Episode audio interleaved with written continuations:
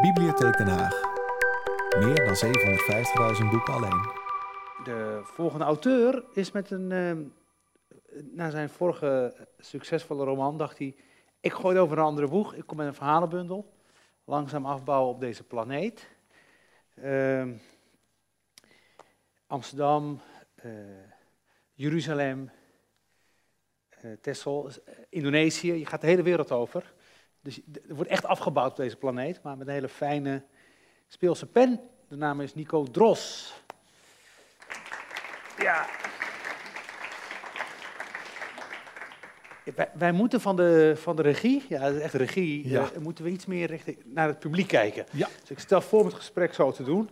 Hè, dat, dat dan, uh, ja. dan dat voor de chemie ook goed tussen de, de twee. Uh, goed. Daar moet, er, moet je toch met trots voor vullen dat, dan, dat, dat, dat, dan zo, dat een leerling van je zo mooi debuteert. Ja, absoluut. Uh, ik bedoel, ja, dat is natuurlijk prachtig. Uh, vooral als je het al een beetje voelde aankomen. Ja, alleen uh, de kwestie is, een roman moet op een dag of in een bepaalde tijd worden uitgezweet. Nou, als het dan gebeurt, ik vind het helemaal niet raar hoor, dat ze er vier jaar over heeft gedaan. Het is eigenlijk, het is denk ik de normale tijd om een ja. normale tijdspannen om een, om, een, om een goed boek te schrijven. Ja. Hoe lang heb jij over je verhalenbundel gedaan? Anderhalf jaar. Anderhalf jaar. Maar korte verhalen is toch iets anders dan. Korte verhalen schrijven is toch iets anders ja. dan een roman schrijven. Mini-college van professor Dr. Nee, Nico Dros. Nee, helemaal niet. Oh, oh. oh nee? nee? Nee, nee, nee. nee ik, ik, voel me helemaal niet. Ja. Uh, nou ja, ik wil... je, je laat, nou ja, toch wel, want je laat je inspireren. Dan begin je op de eerste pagina al door Vladimir Nabokov. Ja. Dat is de, de keizer van het korte verhaal. Oké. Okay. Waarom? Daar is hij. Hè? Ja, nou ja, goed. Ja, ja, ja daar, daar, daar is hij, zie je? Ja, ja, daar, ja. ja. Normaliter staat dat ding hier, dat scherm. Dat, dat, op de een of andere manier... Ja, nou ja, lang even de techniek. Ja. Nou ja, goed, het is niet zo dat ik met, met name-dropping of zo wil imponeren, maar in dat verhaal Maagdenbloed paste het eigenlijk wel meteen. De, het, het, ja. Tenminste, dat past heel goed. Uh, Nabokov die beweert op een gegeven moment van... Kijk, in het leven gebeuren zulke vreemde dingen, dat kun je eigenlijk als schrijver niet bedenken. Het is natuurlijk ook ja. zo. Het leven heeft er veel beter. Muren vol houtsnijwerk en dergelijke.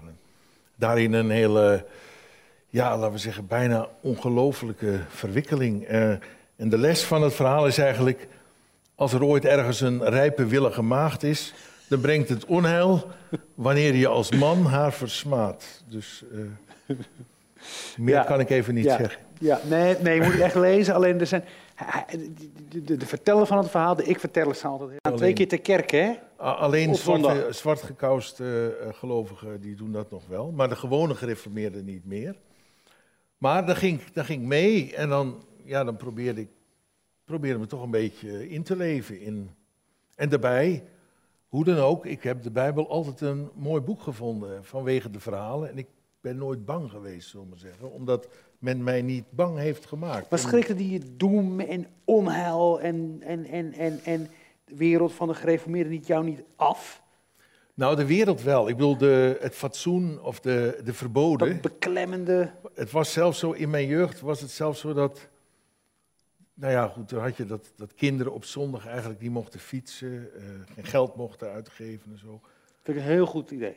Ja, nou ja, ergens zou dat natuurlijk wel eens mooi zijn. Hè? Een dag dat je gewoon geen geld mag uitgeven. Maar, nou ja, goed, eh, die, die verbodswereld, die, ja, die is natuurlijk vervelend. Maar aan de andere kant, als, als, als dan zo'n familievader met zo'n opengeslagen statenbijbel zit te lezen, dat vond ik, ja, dat vond ik dan... Dat was iets wat, uh, ja, wat wij thuis niet hadden. Ja. Er werd niet gelezen, er werd heerlijk gegeten, daar niet van. Maar je had niet dat sacrale moment dat op een gegeven moment zo'n familievader die Bijbel dichtslaat. En dat dan al die kinderen de laatste zin moesten reproduceren. En wie dat niet kon, nou, die had een probleem.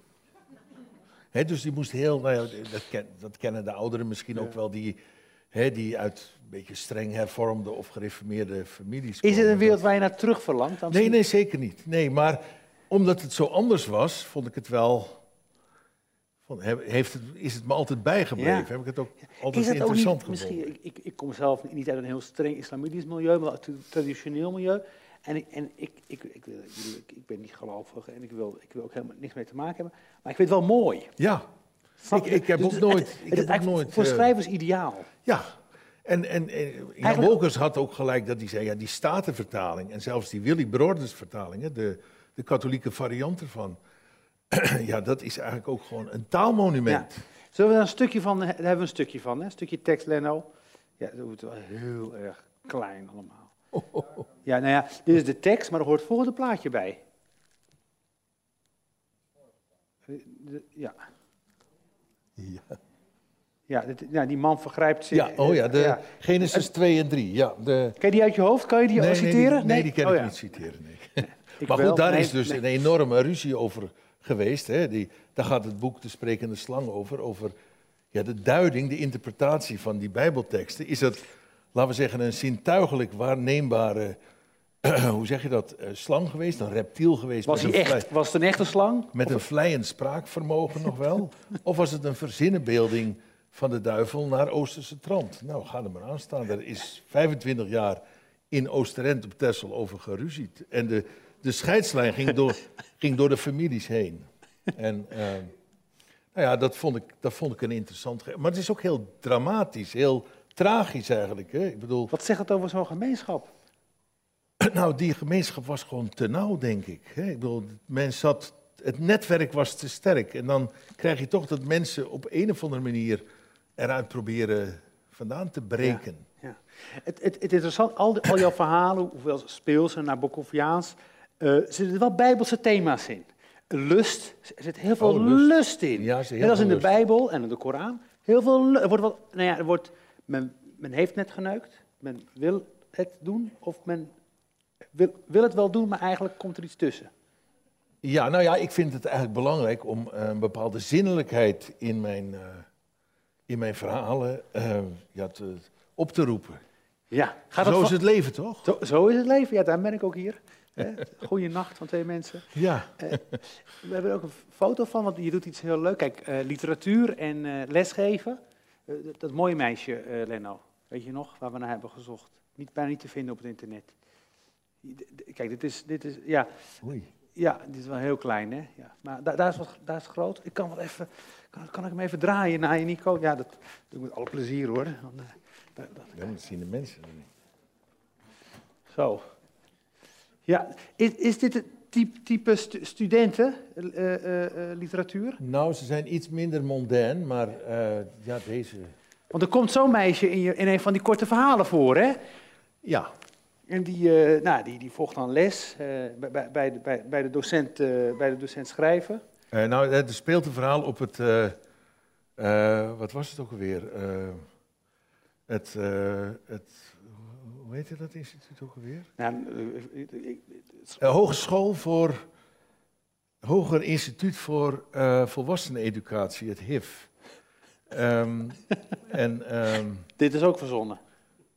ja, tuurlijk. alles Ja. natuurlijk. Ja. Ja. Nou ja, goed. ja, de, nou ja, goed dat, dat is een verhaal waar- waarbij er iets ontstaat tussen een docent en een.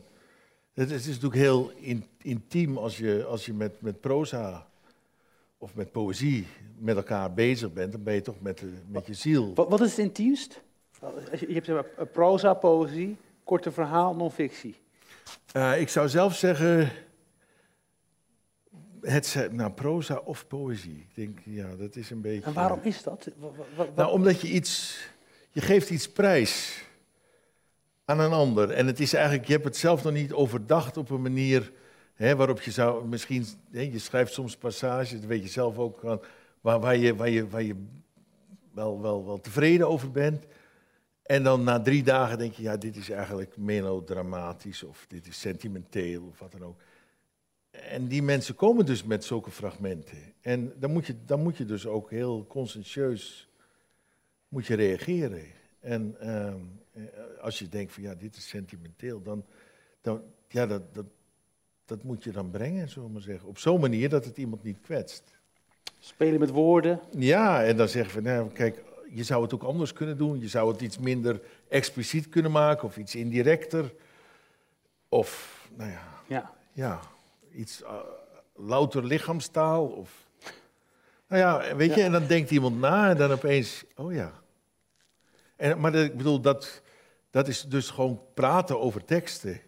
En, die, die, en kijk, en als je proza schrijft, zit er altijd een gevoelslaag in. En die moet niet benoemd worden, maar die moet wel voelbaar zijn. Het klinkt bijna als versieren.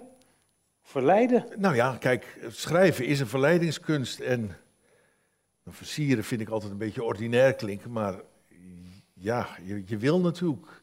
Je wil iemand. Je wil iemand als het ware ook een beetje naar je toe halen, natuurlijk. Ja, Ja. dat is. Schrijven is, is, is een opperste verleidingskunst, zou ik zeggen. Ja, Ja, die, die, die zitten we op een tegel. Dat vind ik een hele ja dat mooie. is tegeltje. hey, eh, eh, die bijbel, bijbelse thema's. eh, Ja. De doem van de apocalyps. Hè? Ja, Langzaam afbouwen op deze planeet. Ja, dat, is, dat is het titelverhaal. Dat is misschien wel. Ja, ik wil het verder niet helemaal uit de doeken Praat doen. rustig door. Ja. Ik, ik vraag aan Lenda of hij er die moskee bij wil halen. Die dan in het verhaal wordt opgeblazen in een, in een verschrikkelijke... Nou, niet alleen de moskee. Nee, natuurlijk. Nou ja, kijk, het, ver- het verhaal gaat er eigenlijk hierover. En ik denk dat het, het ook hoogst actueel is. Het verhaal. het verhaal gaat erover. Wat gebeurt er in een West-Fries dorp op het moment dat, een, dat elders op de wereld zich een enorme catastrofe heeft voorgedaan? Waardoor eigenlijk mensen het gevoel krijgen dat de wereld terminaal is geworden. Ja. En het, het vreemde is natuurlijk, eh, eh, dit voorjaar, eh sinds speelde Poetin er nog op dat hij erover na had gedacht tactische kernwapens in te zetten als de Oekraïne-crisis geëscaleerd was. Nou, die kunt u in uw zak steken, deze, deze opmerking. Hè? Dat is toch een beetje... Terug in de Koude Oorlog. Die, die, nou ja, ja, misschien nog wel erger. Omdat we eigenlijk Ja. niet goed weten wat de tegenstellingen zijn. Jij verplaatst die dreiging naar het Heilige Land. Ja, En, en dan blijkt onder de, de, dus de, dus de oude stad van Jeruzalem, da- daar, daar liggen wat, wat gevaarlijke goedjes opgeslagen. daar, daar moet iets, iets liggen uit de tijd dat de Koude Oorlog speelde. Tenminste, dat is een hypothese, want niemand weet het eigenlijk. Eh, en dat Jeruzalem nog onder Jo- Jordaans beheer was. Voor de 67 oorlog. Ja, dat is dus voor de, voor de, voor de Zesdaagse Ja. Oorlog. En daarna is het Israëlisch eh, gebied geworden, bezet gebied. Ehm, die oude stad is dus. Maar goed, ja, daar gebeurt iets verschrikkelijks. En, ehm, en dat is eigenlijk ook niet zo raar, omdat in de jaren, late jaren 50, begin jaren 60, was er al sprake van de vermissing van bepaalde tactische kernwapens uit eh, het Russische arsenaal. En dan weet ik, ik weet niet wat de Amerikanen ooit zijn kwijtgeraakt. Daar, dat, dat lezen wij niet, maar het is in elk geval een feit dat er ooit, hè, en dat er zelfs recentelijk, eh, hè, bij, bij, de, bij de ontmanteling van de Sovjet-Unie, dat er ook kernwapens zijn verdwenen. Nou, dat vind ik best wel Ja. verontrustend. Ja. De hele wereld staat op zijn kop. Eh, we gaan het einde der tijden tegemoet. Eh, Nou ja, de dat moet- denken de, mensen De dan, Veiligheidsraad, eh, eh, nou ja, 9-11 maal 10. En dan in dat West-Friese dorp. Maal 100. Wat zeg je? Maal 100. Maal 100, nou, dank Ja. u wel. En, en, dan, en dan in dat West-Friese dorp groeien de mensen naar elkaar toe. De generaties komen met elkaar in gesprek. En één meneer die terminaal is, die besluit eigenlijk, die, die, die op het punt staat om eh, eh, eh, uit, euthanasie te plegen, Ja. die besluit om daar vanaf te zien. Ja, ja het is eigenlijk, het is eigenlijk, stel je voor je bent zwaar ziek en het kan eigenlijk alleen maar minder worden en je besluit om euthanasie te gaan plegen. Dus je, je de zaak helemaal zelf in de hand houden. Omdat ook om je heen de wereld onbekommerd en gezond is. Dan val je er eigenlijk heel erg buiten, al krijg je vriendschappelijke aandacht van, van, van, van allerlei mensen. Ja. En op het moment dan dat opeens de wereld, hè, dat is zijn reactie, op het moment dat, ja, dat de wereld er zelf opeens terminaal eh, voor staat, begint hij redelijk op te knappen. Ik bedoel, die depressie die begint eigenlijk een beetje te verminderen.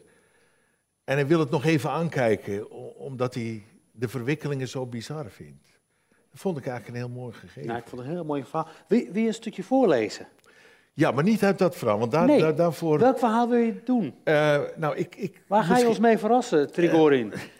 Eh, nou, het is zo, ik zou nooit een kerstverhaal schrijven, maar een sinister kerstverhaal wel. Het verhaal wat zich in, eh, in Amsterdam afspeelt. Ja, dat speelt zich. Met die, met die insluiper.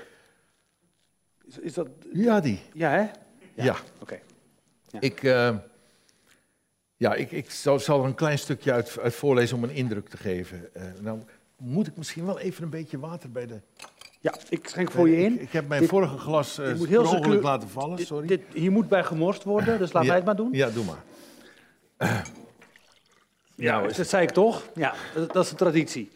Uh, was het niet vijf of zes jaar geleden dat we opeens een witte kerst hadden en dat je amper over straat kon, omdat er zoveel sneeuw lag en er verder niet gestrooid werd enzovoort. Maar goed, uh, zo'n sfeer is het ongeveer. En tweede kerstdag, je hebt al die tijd ook bij vrienden en zo gezeten. Ziedend maagzuur dwong me halverwege de nacht op te staan. In de keuken nam ik een handvol havervlokken en dronk wat melk om de taaie vezels weg te spoelen.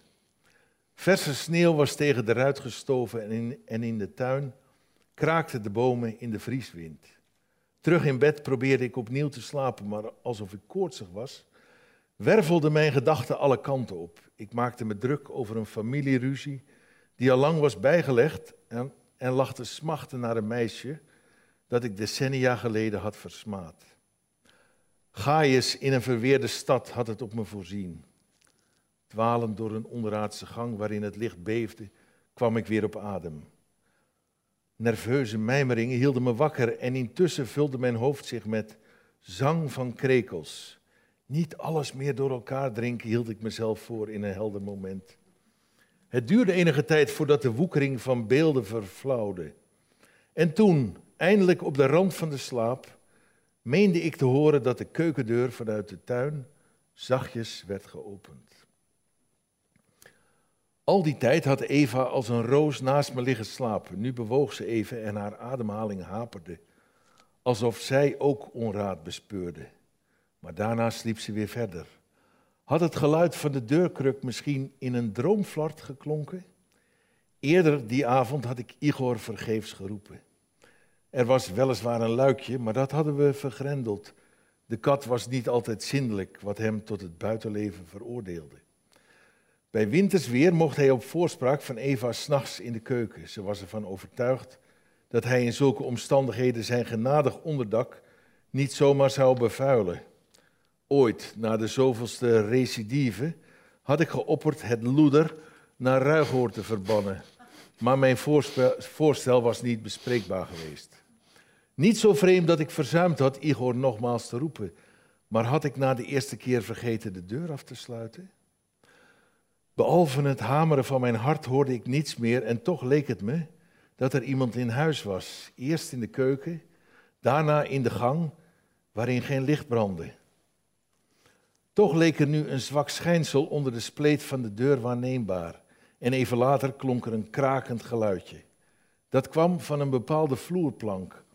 Een schuin afgezaagd uiteinde vlak bij het deurgat naar de voorkamer. Voorzichtig kwam ik overeind, blij dat ik al een onderbroek en hemd aan had. Ik wist heel goed hoe ik in het donker zonder rumoer naar de, naar de deur kon komen. Moest ik eigenlijk doodstil zijn en de onbekende verrassen? Of juist kabaal maken en hem op de vlucht jagen? Geen idee waarom, maar ik besloot tot een stille aanpak. De sluipgang door onze be kleine benedenetage had ik vaak geoefend in tijden van slapeloosheid. De deur maakte evenmin geluid toen ik hem opende en voorzichtig de gang betrad. Onder mijn voeten voelde ik nattigheid, smeltende sneeuwresten die iemand naar binnen had gelopen. Er scheen een kleine lichtbundel in de voorkamer, in de hoek waar de boekenkast stond. Daar stond ook mijn nieuwe laptop op een rijtje boeken. Eva had het bedrag voor de aankoop onlangs voorgeschoten. In de kamer deed ik meteen het licht aan. Een jonge man, nog geen twintig, stond met zijn rug naar me toe. Hij had zo'n donkerblauwe sweater aan en een capuchon op. Heel even schokte zijn schouders. De laptop had hij al in, in zijn handen. Zet hem maar weer terug, zei ik, wonderlijk zo laag als mijn stem klonk. De jongen legde het apparaat inderdaad terug op de rij boeken, trok zijn capuchon verder over zijn hoofd en draaide zich weifelend om. Stevige neus en getinte huid alsof het hoogzomer was, de ogen beschaduwd door de capuchon waarop druppels blonken. Had ik hem eerder gezien? Even stonden we daar allebei sprakeloos. Er lag minder dan vier meter tussen ons. Hoe had hij met zulke kisten aan vrijwel onhoorbaar door het huis kunnen sluipen? Hij leek schuldbewust, nog beschaamd. Hij oogde bijna zelfverzekerd, terwijl hij geen kant meer op kon. Het duizelde me ineens door een vlaag van razernij. Onwillekeurig deed ik een stap naar voren en daardoor veranderde alles. Meer maar niet, hè? Anders durven jullie niet naar huis. Ja, Eh, het heeft namelijk een nogal navrante nasleep, deze kwestie. ja. Ja, en, en ook goed dat, het, eh, dat je als lezer met vragen overblijft aan het einde. Ja, Dat het niet, eh, nou ja, ja ik, ik wil, eh, weet je, dat is het mooie van een kort verhaal. Dat je, nou ja, goed, je kunt er natuurlijk op een gegeven moment zeggen van ja, nu draaien we alle, alle, alle uiteinden even aan elkaar vast en dan is het goed. Maar moet je die verleiding weerstaan om Nee. dat niet te doen? Nou, ik vond het eigenlijk heel mooi om het hele idee van, ehm, eh, nou ja, dat, dat er een soort open eind is, dat je hebt, iets hebt aangericht. Nou ja, open eind is het niet eens, maar je, je richt iets aan en het, het gaat eigenlijk nog door. Hè. Eh, ooit, ik, nou even terug naar die schrijversvakschool, ooit vroeg ik aan studenten van, wat is eigenlijk een kort verhaal? En toen zei iemand, Lotte, een hele goede studenten, die zei, dat is als- alsof je staat te kijken naar een brand die niet geblust wordt. Toen dacht ik, ja, dat, is Hmm. natuurlijk, dat kan een kort verhaal zijn. Hè? En, en in dit geval, of tenminste in een aantal gevallen, in een aantal verhalen, denk, vind ik het belangrijk om, om een lezer eigenlijk het eh, de mogelijkheid te geven om te denken van ja, dat gaat Ja. deze kant op. Dat, je het zelf, dat je het zelf als het ware voltooit. Waarom worden er niet meer korte verhalen geschreven? Het is iets verschrikkelijks in Nederland, schijnt het. Ik bedoel, in, in de Anglo-Saxische wereld is iedereen content met de short stories. Je, je, je kunt er heel groot mee worden als schrijver. In Nederland gebeurt het tegenwoordig dat als schrijvers met korte verhalen bij een uitgever komen, die zegt dan nou, laten we dat nog maar even niet doen. Eh, ik ben heel blij dat mijn uitgever daar verder geen punt voor maakte. Maar hij zei wel van nou, dan moet je er niet al te veel van verwachten. Van de verkoop. Ja. ja. Ja, het, maar goed, dan geeft hij het toch uit. En, eh, nou ja, Ik vond ze schitterend. kijk, Ja, heel mooi. dat hoor ik graag. Ja, geweldig. Eh, hoe, hoe gaat het met Van Oorschot? Want ik, ik, ik, ik las in de, in, in, in de kranten dat, dat, dat het bedrijf wordt opgeknipt. Ja. Eh, Nou ja, het wordt niet opgeknipt, maar de- eh, Wouter van Oorschot, misschien jullie wel bekend. wij kennen hem als de grote boekenbeer van, van aan de Herengracht. Wij dachten altijd van, het is altijd een, een uitgever in hart en nieren geweest, net als een vader. En hij heeft zich ook gewoon uit de schaduw daarvan, hè, uit die- de schaduw van die grote Geert weten te werken. En ik dacht altijd van nou, op een dag zal hij wel dood achter zijn bureau zitten, hè, over 20, 25 jaar.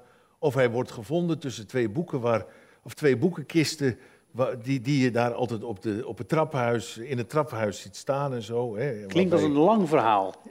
maar ja, eh, dat klinkt als een lang. En nu opeens, hij was 63 en opeens zegt hij: God, jongens, ik ga ermee stoppen. Ik wil ook nog een ander leven gaan leiden, nu het nog kan.